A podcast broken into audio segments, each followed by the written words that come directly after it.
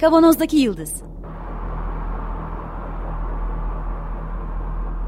Bugünün penceresinden geleceğin ayak izleri.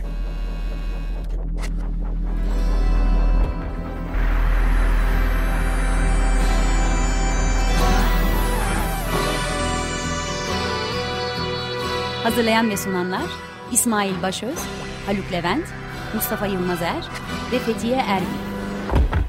Zorlu Holding Sürdürülebilirlik Platformu Akıllı Hayat 2030, herkes için daha yaşanabilir bir dünya diler. Merhabalar, Açık Radyo'dayız. 95.0. Kavanoz'daki Yıldız programında sizlerle beraberiz yeniden. Geleceğin ayak izlerini sürmeye devam ediyoruz. Geçtiğimiz haftalarda başladığımız sosyal medya sohbetleri ne devam edeceğiz bugün tekrar. Biraz sonra dinleyeceğimiz program geçen hafta yaptığımız Kaan Özkan arkadaşımızla, dostumuzla yaptığımız sohbetin ikinci bölümü olacak. Tekrar bir hatırlatalım. Sosyal İkilem isimli belgesel üzerinden bir seri program yaptığımızı daha önce belirtmiştik. Bütün alanlarını masaya yatırmak ve her bir parçasını ayrı ayrı konuşup sonra hepsini bir araya getirebilmek en azından niyetimiz bu. Daha detaylı olarak resmin küçük parçalarını da anlayıp o zaman işte büyük resmi görebilmek dileğimiz. Bugün biraz önce söylediğim gibi Kaan Özkan'la yaptığımız sohbetin ikinci bölümüne devam edeceğiz. Neydi geçen hafta yaptığımız sohbet? Sosyal medyanın en rahatsız edici boyutu manipülasyon. İnsanlar üzerine, toplum üzerine manipülasyonun çok rahat kullanılabiliyor olması. Bunun hem toplumsal etkileri hem bireysel etkileri buradaki manipülasyonun temeli, öncülü olan algı üzerine sohbet etmeye başlamıştık. Bu kaydın ikinci kısmında sizlerle paylaşıyoruz. Şimdi mesela kuantum fiziği tartışılırken de bu gündeme görüyor. Şimdi kuantum fiziğinin işlediği alan bizim algı düzlemimizde kavrayabileceğimiz bir alan değil, düzlem değil. Biz bunun için e, işte modellemelerle vesairelerle falan hareket ediyoruz. Dolayısıyla evet biz iki tarafa doğru açılabiliyoruz. Hani maksimum büyüklüğe ya da minimum küçüklüğe dair çalışmalar yapabiliyoruz, e, açılabiliyoruz. Böyle bir varlık insan. Ama işte buna tam oturuyor mu? Yani insanın kendisi bizzat öyle bir varlık mı? Yani sanal gerçeklik dediğimiz şey bizim varoluşumuzu içinde gerçekleştirdiğimiz gerçeklik midir? Burada o senin söylediğin şey kuantumla falan bir kar, kar, karşılaştırma yaptın ya. Şimdi orada şöyle bir durum var. Şimdi kuantum dünyası bir gerçek dünya. Yani kuantum dünyası gerçek bir dünya. Hı hı. Ya da en büyüklerin işte astrofiziğin hakim olduğu yerdeki şey de gerçek bir dünya. Ama bizim bunları algılayan üç tane seviye düzenleyecek olursak biz ikinci seviyedeyiz. Bu ikisi bizim doğrudan fiziksel temas kurabileceğimiz, dolayısıyla algımızı o fiziksel temaslar üzerinden gerçekleştirebileceğimiz bir alan değil. Ama burada ne olup bittiğini merak ediyoruz. Tabii. O merakımızı gidermek için e, düşünüyoruz ve orada olan biteni kavramaya çalışıyoruz. Bunun için de temel bir e, aracımız var. O da işte bilim, bilimsel modeller. O bilimsel modelleri mümkün olabiliyorsa deneyle doğrulamak falan filan. Ama önce teorik bakıyoruz yani. Teorik bakışla çevre şey yapmaya, bir hikayesini olmaya, oluşturmaya çalışıyoruz ki ondan sonra neyi gözleyeceğimize karar verip ölçelim bilmem ne falan filan. Şimdi bu sanal gerçeklikle olan ilişkimiz şöyle bir şey. Bu, bunun bir kere bilimsel gelişmelerin bir yan ürünü olduğunu şey yapmamız lazım. Çünkü bir teknoloji, her teknoloji gibi bilimsel bir gelişmeye dayanıyor. Dolayısıyla aslında bizim imalatımız. Tabii. Tabii. Yani bizim kendi e, faaliyetimizden ortaya çıkmış e, bir teknolojik gelişmeyle bütünleşerek bu defa bize tekrar geri dönmüş. Ama bu geri dönüş bizi kendi içinde bulunduğumuz gerçeklikten dahi kopartıp evet. Bambaşka bir tarafa dolayısıyla o uzak olduğumuz türden alanlara sürüklemiş. Dolayısıyla aslında o üç seviyenin üçünde birden kendimizi dışladığımız bir alana dönüşüyoruz. Herhalde en, te- en temel problem bu evet. gibi geliyor. Yani şeyi kaybediyoruz. Nasıl diyeyim? hiza alacağımız noktayı kaybediyoruz. Yani o üç düzlem var dedin ya mikro bizim bulunduğumuz ve makro düzlem. Mikro, mezo, makro diyor galiba. Yani o özellikle mikro ve makroya açıldıktan sonraki geri dönüşleri biz kendi düzlemimizi bırakıp onları esas almaya başlıyoruz. Yani tıpkı bugün bir arkadaşınla birebir gidip e, pandemi dışında tabii hani kahve içmekle Facebook'ta birisiyle işte ne bileyim günaydın, afiyet olsun demek gibi arasındaki fark gibi bir şeyden bahsediyoruz aslında. Biz bunu aynı şeymiş gibi kabul ediyoruz. Yani sen orada günaydın dediğinde, afiyet olsun dediğinde belki ben onu iki gün sonra görüyorum ya da o anda görüyorum. Bir anlam ifade etmiyor çünkü ya da sınırlı bir anlam ifade ediyor diyeyim. Çünkü benim senin sesini duymam, bedensel olarak bir varlık olarak seni e, görmem ya da duymam gibi bir şey değil bu. Biz bunu aynı şeymiş gibi kabul ediyoruz. Bunu varsaydığımız için aslında e, pek çok çıkmaz beraberinde geliyor ve bana kalırsa konuşa geldiğiniz manipülasyona açıklık iyiden evet. iyiye artıyor.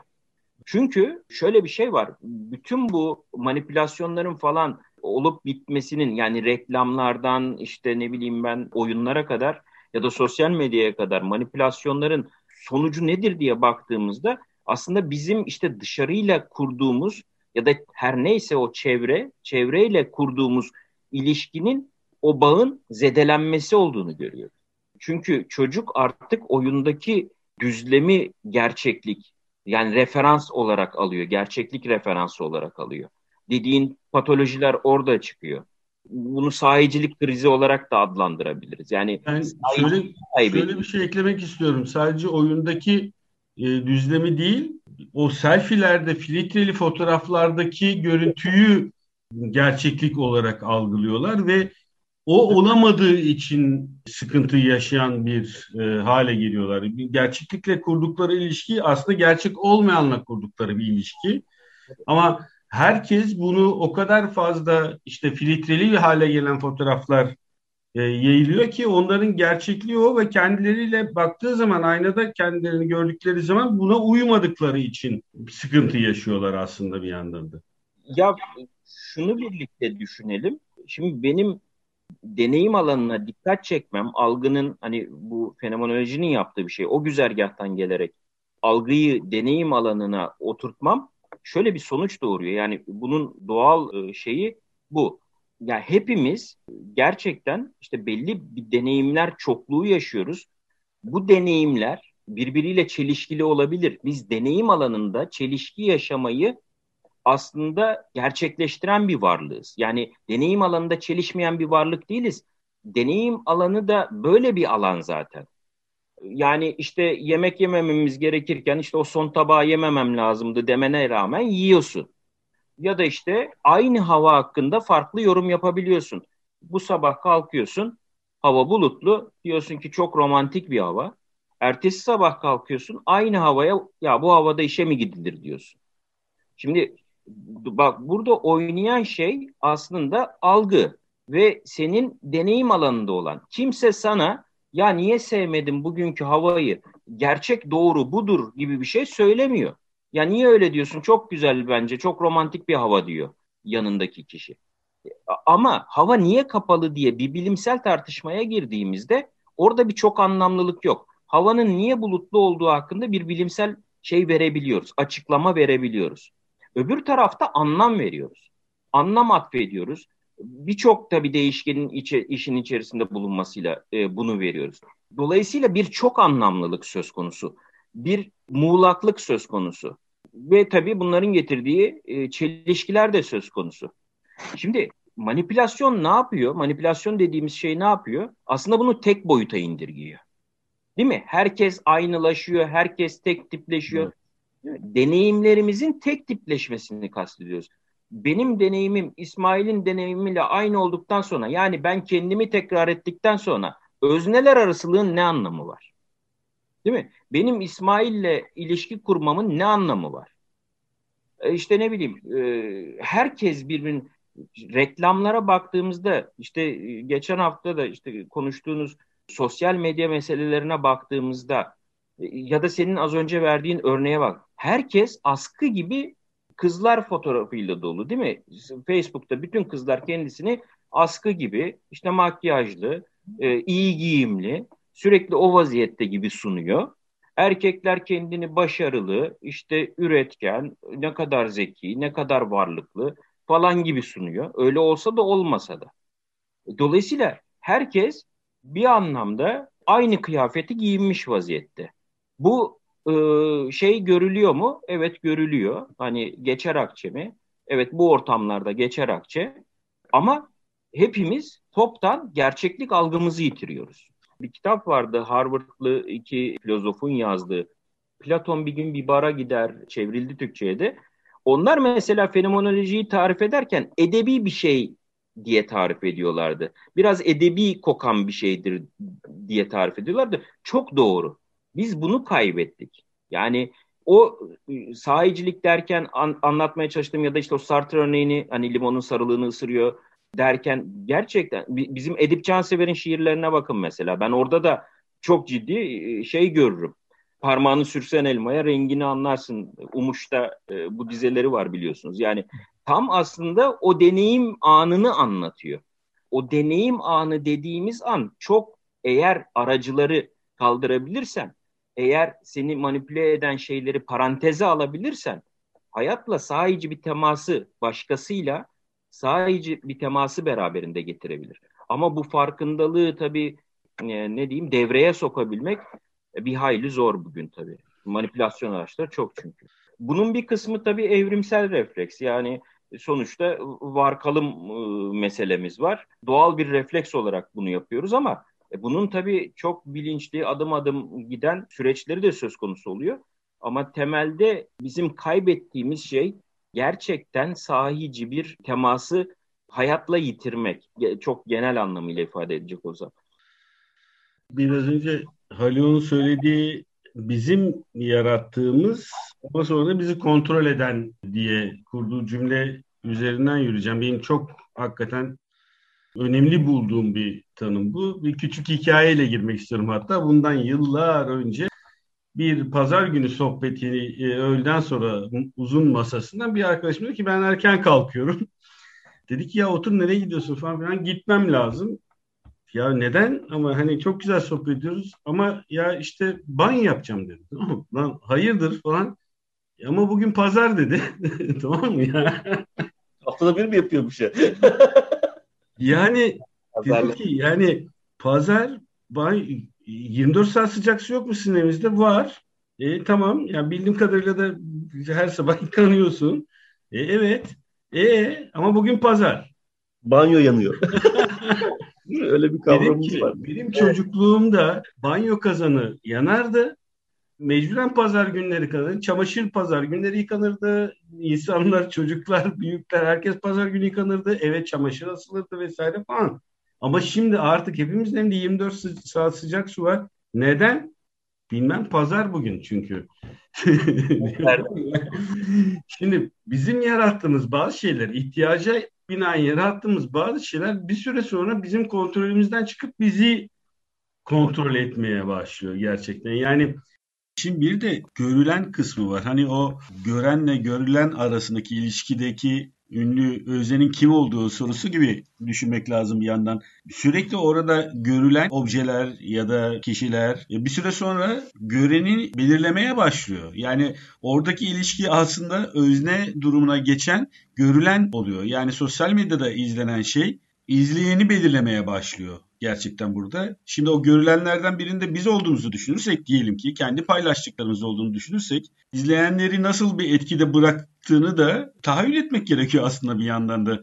Evet burada izlediğimiz şeyler yani o fotoğraflar, o paylaşılan sözler, fikirler bir yandan da izleyen kişiyi belirleyen bir durumda geldiği için buradaki ilişki yine özne ilişkisine bakarsak bu kadar etkiliyse eğer izleyen üzerinde izlenen şey özne oluyor. Yani bir yandan sosyal medyayı kullanan, takip eden özneler olduğumuzu düşünürken yani kendi isteğimizle irade olarak bu eylemi yapan özneler olduğumuzu zannederken öznelere tabi olan nesneler olma durumumuz da var. Buradaki ilişki bunun algıya neresi oturacak ama yani bizim o e, deneyimlerimiz ve kafamızda oluşan tanımı bizi artık hareketlerimizi, tutumumuzu e, ve davranışımızı belirler bir hale geliyor. Gerçekten o bizim yarattığımız şeyler. Şimdi burada da sosyal medya konuşuyoruz. Sosyal medyada da bizim kurduğumuz ilişkiler ağı bizi ve özellikle de burada farkındalığı minimum olan e, insanları çok fazla etkiliyor tabii bu süreç içerisinde gerçekten. Oradaki onun algısı da toplumsalın toplumun bir parçası olmak üzerine özellikle genç arkadaşlardaki sıkıntısı bir sıkıntı biraz buradan kaynaklanıyor muhtemelen. Sadece gençler değil bir sürüsünde de böyle. Toplumun bir parçası olma şeyimiz var değil mi? Talebimiz var. Yani buradan ayrı kalmamak, dışlanmamak. Biraz önce Kanser'in söylediğin çok önemli. Artık herkes aynı olmaya başlıyor bu sefer kabul. Ama yani sosyal medyadan önce benzer bir şey oluyordu. Fakat şimdi bu toplumun bir parçası olabilme güdüsüyle ya da isteğiyle buraya dahil olma süreci yaşanıyor. Ben biraz şeye gelmek istiyorum. İşte burada bu deneyim, bu güdüler işte inandığımız şeyin ispatlanmasını isteme ihtiyacı, işte toplumsal toplum psikolojisinde, sosyal psikolojide kognitif dizonans, bilişsel çelişki diye ya da Güven Güzeller'in söylediği bilişsel uyumsuzluk diye çevirebileceğimiz doğru olduğunu iddia ettiğimiz hatta varoluşsal bağlantılar kurduğumuz işte bir şeye inanıyoruz ve bunun başka türlü olamayacağını söylüyoruz e, hayatta. Tuttuğumuz partili olabilir, tuttuğumuz takım olabilir, herhangi bir şeyi açıklamamız olabilir, aşı karşıtlığımız olabilir, düz dünya olabilir ya da ya da daha doğru şeyler olabilir. İşte bilim, gerçeklik olabilir falan. Biz bu noktada gerek sosyal medyada gerekse bunun dışında karşılaştığımız şeyle kurduğumuz ilişki yanılmıyorsam algılama noktasında bunu doğrulayacak parçayı çekip almak gibi oluyor. Yani işte kognitif dizonans dediğimizde biraz o aynı şeyi görüyoruz aslında. Sen de ben de aynı şeyi görüyorum ama ben kendi kafamdaki e, iddia ettiğim doğrular bütünü her neyse kendi kafamda kurduğum bütünü doğrulayacak şekilde onu alıyorum, kullanıyorum, algılıyorum gibi bir durumla karşı karşıyayız biraz da. Hem toplumun bir parçası olma isteğimiz, herkes gibi olma, düşünme ya da onlar gibi bakma. Hem bu tür motivasyonlar algılarımızda şekillendiriyor yanılmıyorsam değil mi? Yani aynı şeyi okurken farklı, aynı şeyi görürken farklı şey okuyor, çıkarıyor olma halimiz orada. Hem şekillendiriyor hem de bir krize de sokuyor. Senin söylediklerine katılmakla birlikte şöyle bir ek de yapmak isterim. Mesela e, diyelim ki e, bir kişinin sosyal medya hesabında kendini sunma biçimiyle e, gerçeklikte sunduğu o, sosyal medyada sunduğu şekilde yaşamaması arasındaki boşluk bir krize neden oluyor ve bu ıı, tekabiliyet olmayınca yani kendini sosyal medyada başka bir şey olarak sunup gerçekliğe bunu taşıyamayınca o bir hayal olarak inşa edilmiş oluyor ve burada esas uyumsuzluk baş gösteriyor. Özlem her ne kadar oradaki ideali taşımaksa da bunu yapacak e, araçlardan diyelim maddi güçten, diyelim eğitimden, diyelim e, beğeniden yoksunsan orada gayet bir şey sanal işte Ahmet Mehmet ortaya konuluyor. Buradaki boşluk bence esas krizin nedeni ve bu bence yine çarpan etkisiyle e, şeyi derinleştiriyor. Kırılganlığımızı derinleştiriyor. Şunu demek istiyorum. Manipülasyona iyiden iyi açık hale getiriyor bizi. Yani o farkındalık zedelenmiş oluyor bence bu ikilik yüzünden. Yani şizofren bir yaşantı e, sürüyor evet. ve bunu bunu zedeledi, zedelendiğinde bunun kaybettiğinizde ki işte referans noktasını kaybetmek derken biraz böyle bir şeye de gönderme yapıyordum. Bunu kaybettiğinizde zaten artık size sunulanlara da açık hale geliyorsunuz. Yani size sunulanı eleştirel bir gözle ya ne yapıyorum ben demekten ziyade bir bağımlı davranışı göstermeye çalışıyorsunuz. Çünkü gerçeklikten kaçtıkça biz e, biliyoruz ki değil mi? Yani e, sen daha iyi bilirsin İsmail. Hani bağımlılık davranışı gerçek şey yapıyorsun. Çünkü gerçeklikte bir şey başarmak, gerçekte bir şey başarmak zor. Sebat gerektiriyor işte ne bileyim ben öbür tarafta kolay. Ben oraya yazdığım zaman iki yakışıklı fotoğrafımı koyduğum zaman oluyor zaten iş. Ama benim sokakta yakışıklı olabilmem için o elbiseyi almam lazım. Ondan her gün yakışıklı olabilmem için ondan 10 tane olması lazım. Değil mi? Böyle bir maddi güce sahip değilsem oradaki bir tane profil fotoğrafım beni bu adam kılıyor zaten ama sokakta kılamıyor. Ya da filtreli çekilmiş bir fotoğrafla beğeni toplayıp ama aynaya bakınca gördüğün arasındaki fark. Tabii tabii. Yani bu işte şeyi yani bu durumu sosyal medya manipülasyonlarından Haluk'un bahsettiği oyunların yarattığı etkiden e, ve benzerlerinden e, politik manipülasyonlardan vesairelerden farklı görmüyorum. Yani evet, bu mekanizmayı e, işletiyorlar aslında. Bir de şöyle bir şey var. Bu ortama korku ve tehdit saldığın zaman tabii o zaman işte kutuplaşma zirve yapıyor. Yani çünkü o zaman kendin gibi olanlarla bir arada oluyorsun ve ötekilerle tamamen teması kesiyorsun.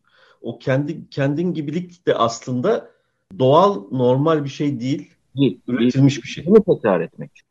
Tabii. Yani, yani bütün iktidar herhalde buradan çıkıyor zaten son zamanlar. Tabii yani iktidarı zaten gevşek bir terim olarak almak lazım. Siyasete hapsetmemek lazım. Hani Foucault'cu bir perspektiften almak lazım. E, dolayısıyla yani o sıvı haliyle iktidar e, her yere sirayet ediyor zaten. Şimdi tekrar biraz önce Haluk'un da açtığı yani toplumsal manipülasyona doğru topluca algımızda geri bir manipülasyon gerçekleşebiliyor sosyal medya üzerinden. Amerika'da yine bu belgeselden aldığımız bilgi siyasi kutuplaşmanın izlenen tarihin, bilinen tarihin en yüksek noktasına ulaştığı bir dönem yaşandığı söyleniyor. Diğer ülkelerde de böyle. E, topluca bir işte yankı odalarıydı değil mi? Bekir Ağırdır'ın da söylediği gibi, geçen hafta da konuştuğumuz gibi. O yankı odalarına yerleşmek, orada önce birbirini pohpohlamak, birbirini yükseltmek, sonra cephelerden karşı tarafa ateş açmak şeklinde ve ama yankı odalarında da yan yana gelmek şeklinde değil mi? Yani orada da bir solit bir bütünlük hissiyatı e, yaratarak solit bir bütünlük hissiyatı deyince solidarite aklıma geldi bir, bir yan bir dayanışma hissiyle. Peki yani bunun da e, zeminini hazırlayabiliyor sosyal medyadaki iletişim örgüsü. Buradaki algı da diğerini yani tamamen dinlememeye giden bir hal var artık bir yandan da. Nasıl bir algılı ya da algılamama hali?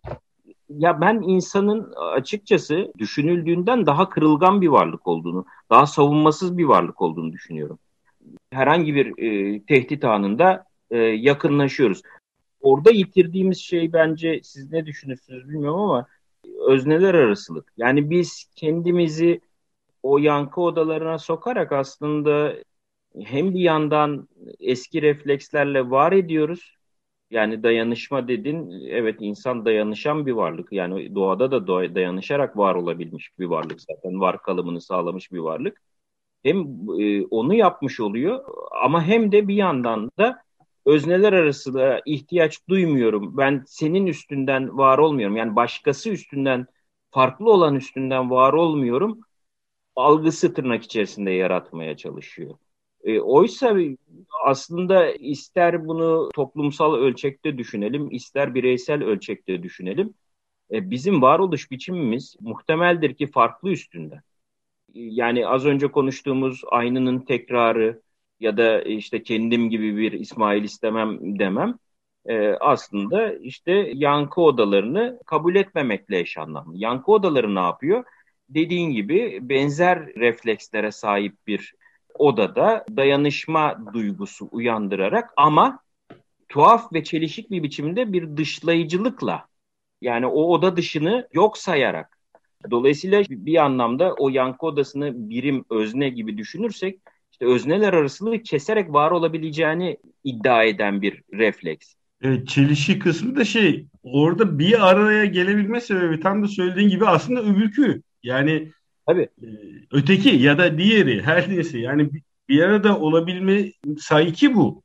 Tabii. Bir yandan aslında yani. Yani ne uygarlıklar işte Brodel yanlış hatırlamıyorsam yazmıştı. Hiçbir uygarlık içe kapanarak e, varlığını sürdüremez diye. Yani bunu ister uygarlık düzeyinde ölçeği genişletelim, ister birey düzeyinde daraltalım.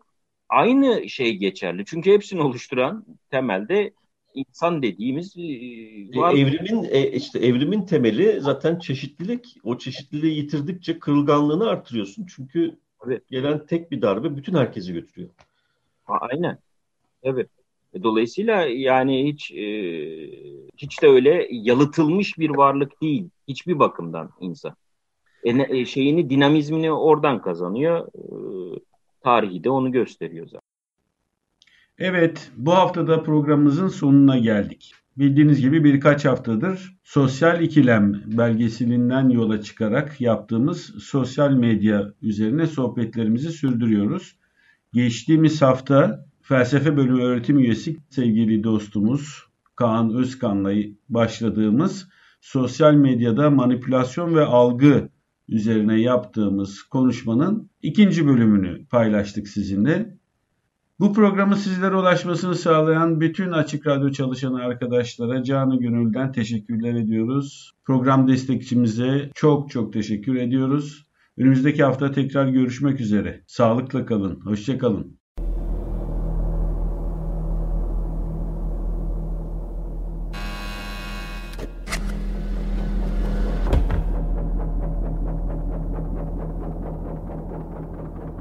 Kavanozdaki Yıldız Bugünün penceresinden geleceğin ayak izleri.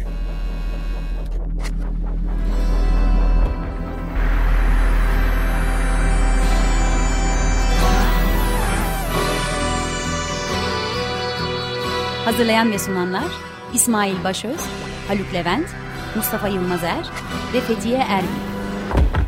Zorlu Holding Sürdürülebilirlik Platformu Akıllı Hayat 2030 sundu.